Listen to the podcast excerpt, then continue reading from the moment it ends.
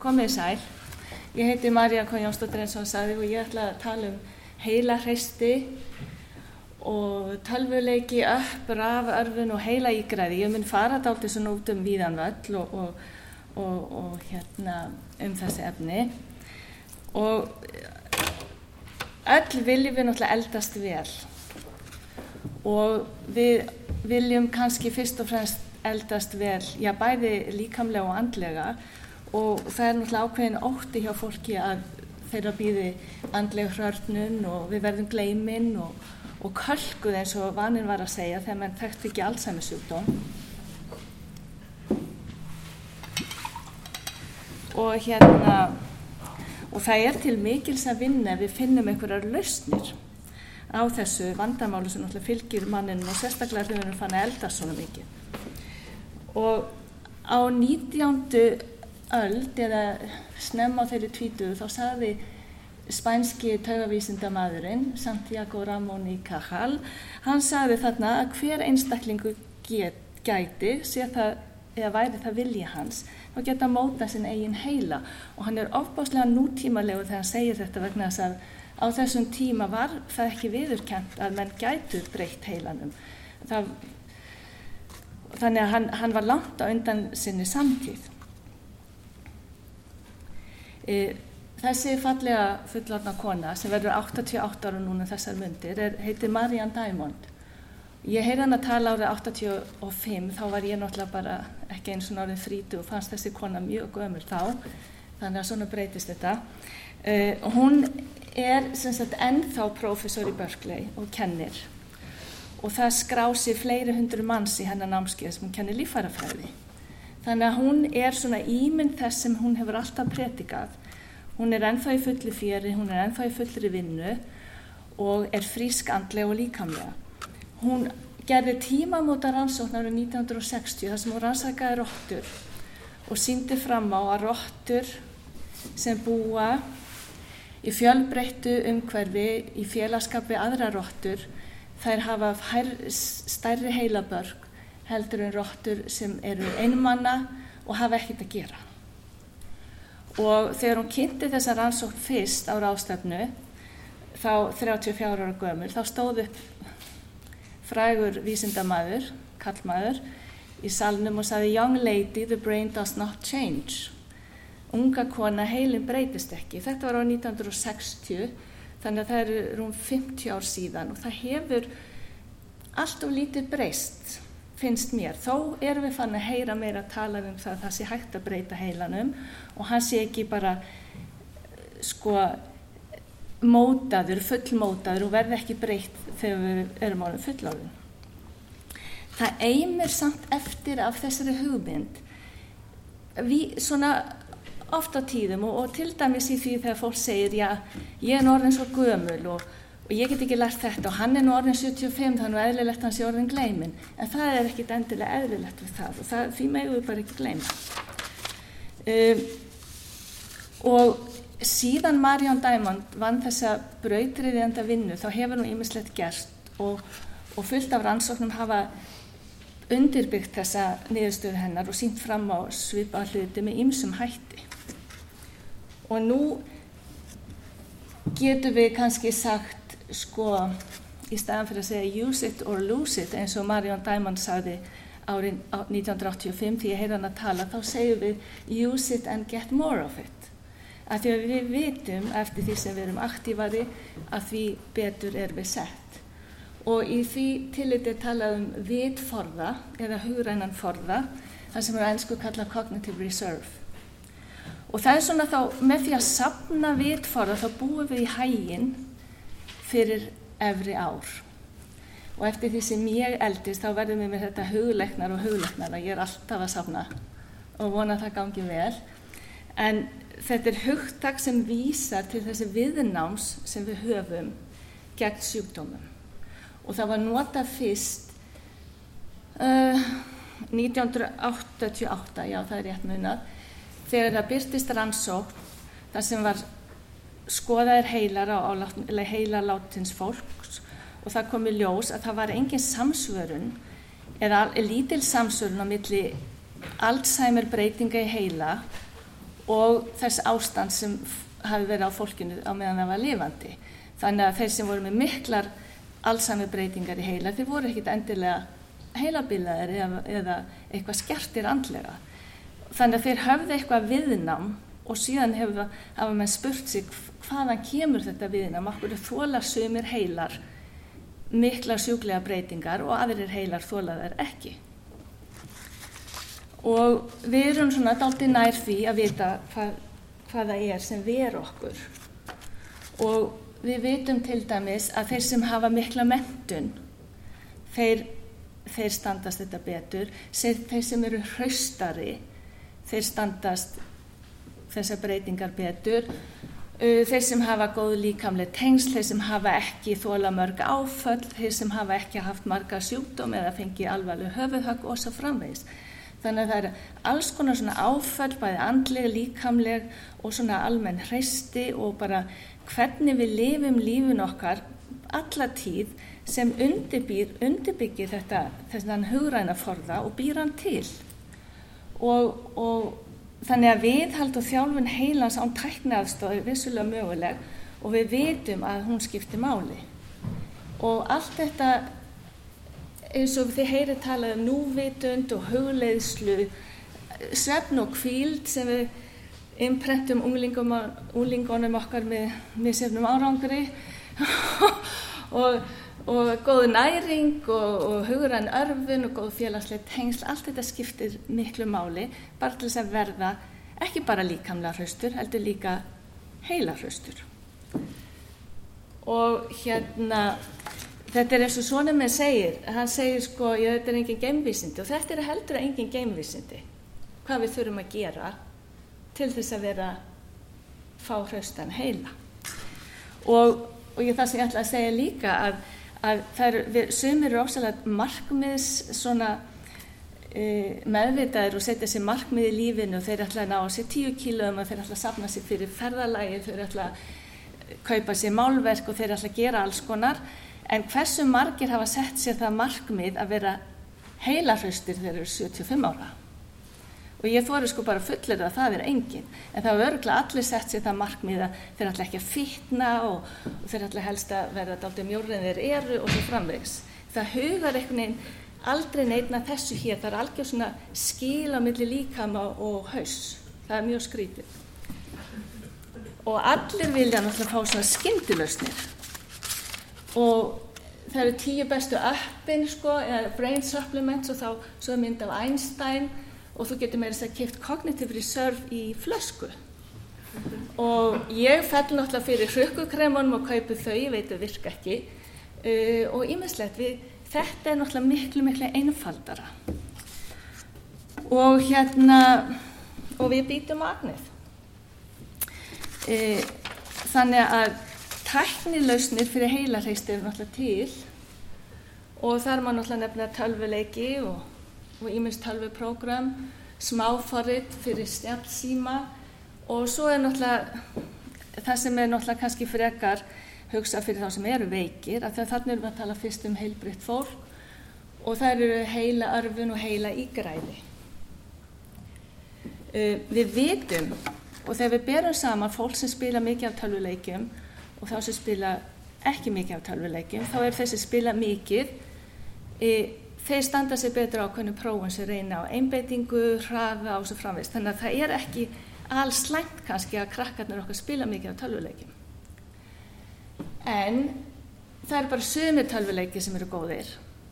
Tetris, Angry Bird og svona, það gerir kannski ekkert mikið fyrir okkur en þessir floknari leiki þar sem þú ert inn í þeim, þú þurft að skjóta og þeir koma bak við því og þú þurft að snúa þig við og hugsa um tíu hluti í einu, það er miklu betra. En maður á kannski að vara sig að, að draga miklar áliftanum en þess að kannski eru þeir sem að, eða menn hafa sagt að kannski eru þeir sem spila mikið á tölvuleikum, bara, kannski hafa þeir bara betri aðtegli til að byrja með. Og þessna eru þeir alltaf að spila tölvuleiki. En ég, mér finnst það ekki mjög sko, skinsanlega skýring fyrir unglingar, því það eru allir unglingar og allir unglingsstrákar sem spila tölvuleiki. En ef þetta er eitthvað gott fyrir aðteglunum þeirra, þá er það svo sem bara í fínu lægi. En það vantar algjörlega rannsóknir sem sína kannski þetta einhver, að þetta hafi einhver varanleg uh, áhrif til bóta hjá þeir sem eru heilbri og þeir sem eru eldri. Og það er enga rannsóknir allavega á konum. Þess að konur spila svona leiki miklu minna heldur en kallmenn þannig að rannsóknir vantar svo við segjum þetta klassíska sem fræðimenn vilja alltaf segja. E, Þetta, ég, þetta tekið bara sem dæmi, það eru til fleiri prógram, Lumosity er á netinu, það er hægt að kaupa sér þarna inn. Og það er talið að cirka 50 miljón manns í heiminum að minnstakosti spilir þetta reglulega. Og ás, áskrift kostar, ég man ekki hvort það kostar 100 dólar eða eitthvað svo leiðist, þannig að það er tölverið peningar sem er þarna í umferð og, og fyrirtæki náttúrulega heldur því fram að þetta hafi veruleg áhrif til bóta á hugranafærni. Þannig er fólk að þjálfa mjög svona afmarkaða svona afmarkað þætti. Það fyrir minnispróf, það eru einbettingapróf, alls konar svona afmarkuð próf sem verður vera að þjálfa. Og hérna, en þegar maður leita sko í góðum fræðilegum gagnaböngum þá er afskaplega lítið að finna um rannsóknir á þessu á heilbröðu fólki, við vitum bara ekki nógu um það hvort þetta hefur eitthvað að segja og ég tek það fram ég er ekki að tala hér um rannsóknir eða að, not, að notkun á þessu sko fólki sem hefur svo sannlega fengið skada og þarf bara að þjálfa sig með alls konar hætti. Ég er bara að tala hér um heilbröðt fólk. Fólk sem vinnur og eru úti meðal annars fólks og gerir alls konar hluti þá er spurningin, er það til bóta að sitja í klukkutíma fyrir fram að svona á hverjum degi? Það er tími sem hún notar ekki til að fara kannski endurmentin og læra ítelsku eða fara í fjallgöngu eða lesa góða bóka eða spila breyts og það er spurning hvar viltu eigða þessum klukkutíma sem þú hefur afgangs uh, það eru jafnvel meiri vísbendingar um að það gerir meira gagn að spila svona talvuleiki eins og strísleikina sem var sín ykkur áðan heldur með verið þessu.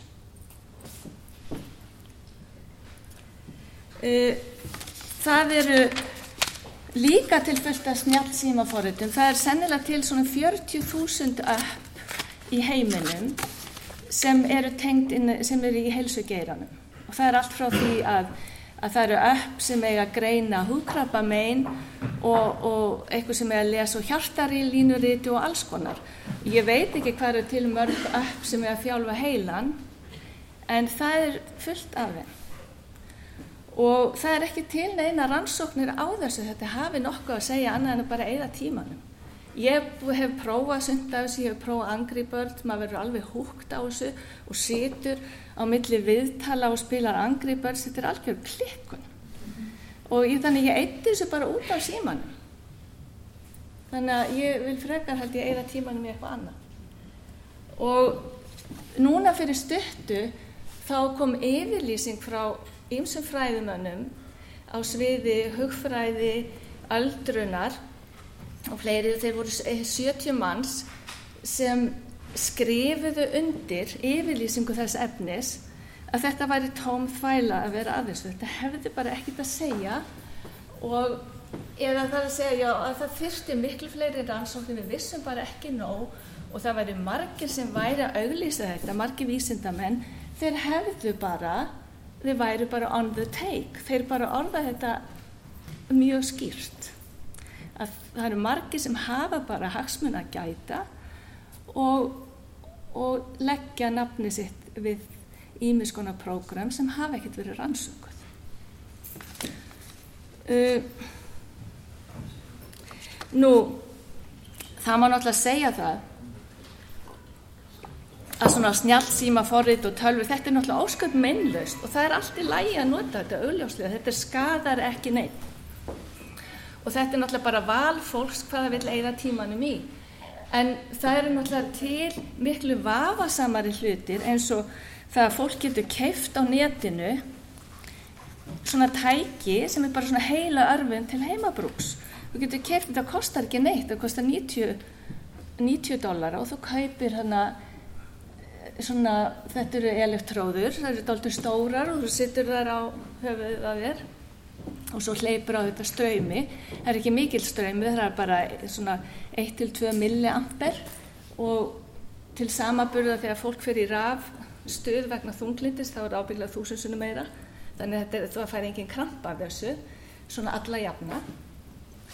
En þetta er til dæmis eitthvað sem verður ekkert eftirlit með hvorki af FDA í bandaríkjanum eða í Evrópu og þetta á að lækna allt mögulegt.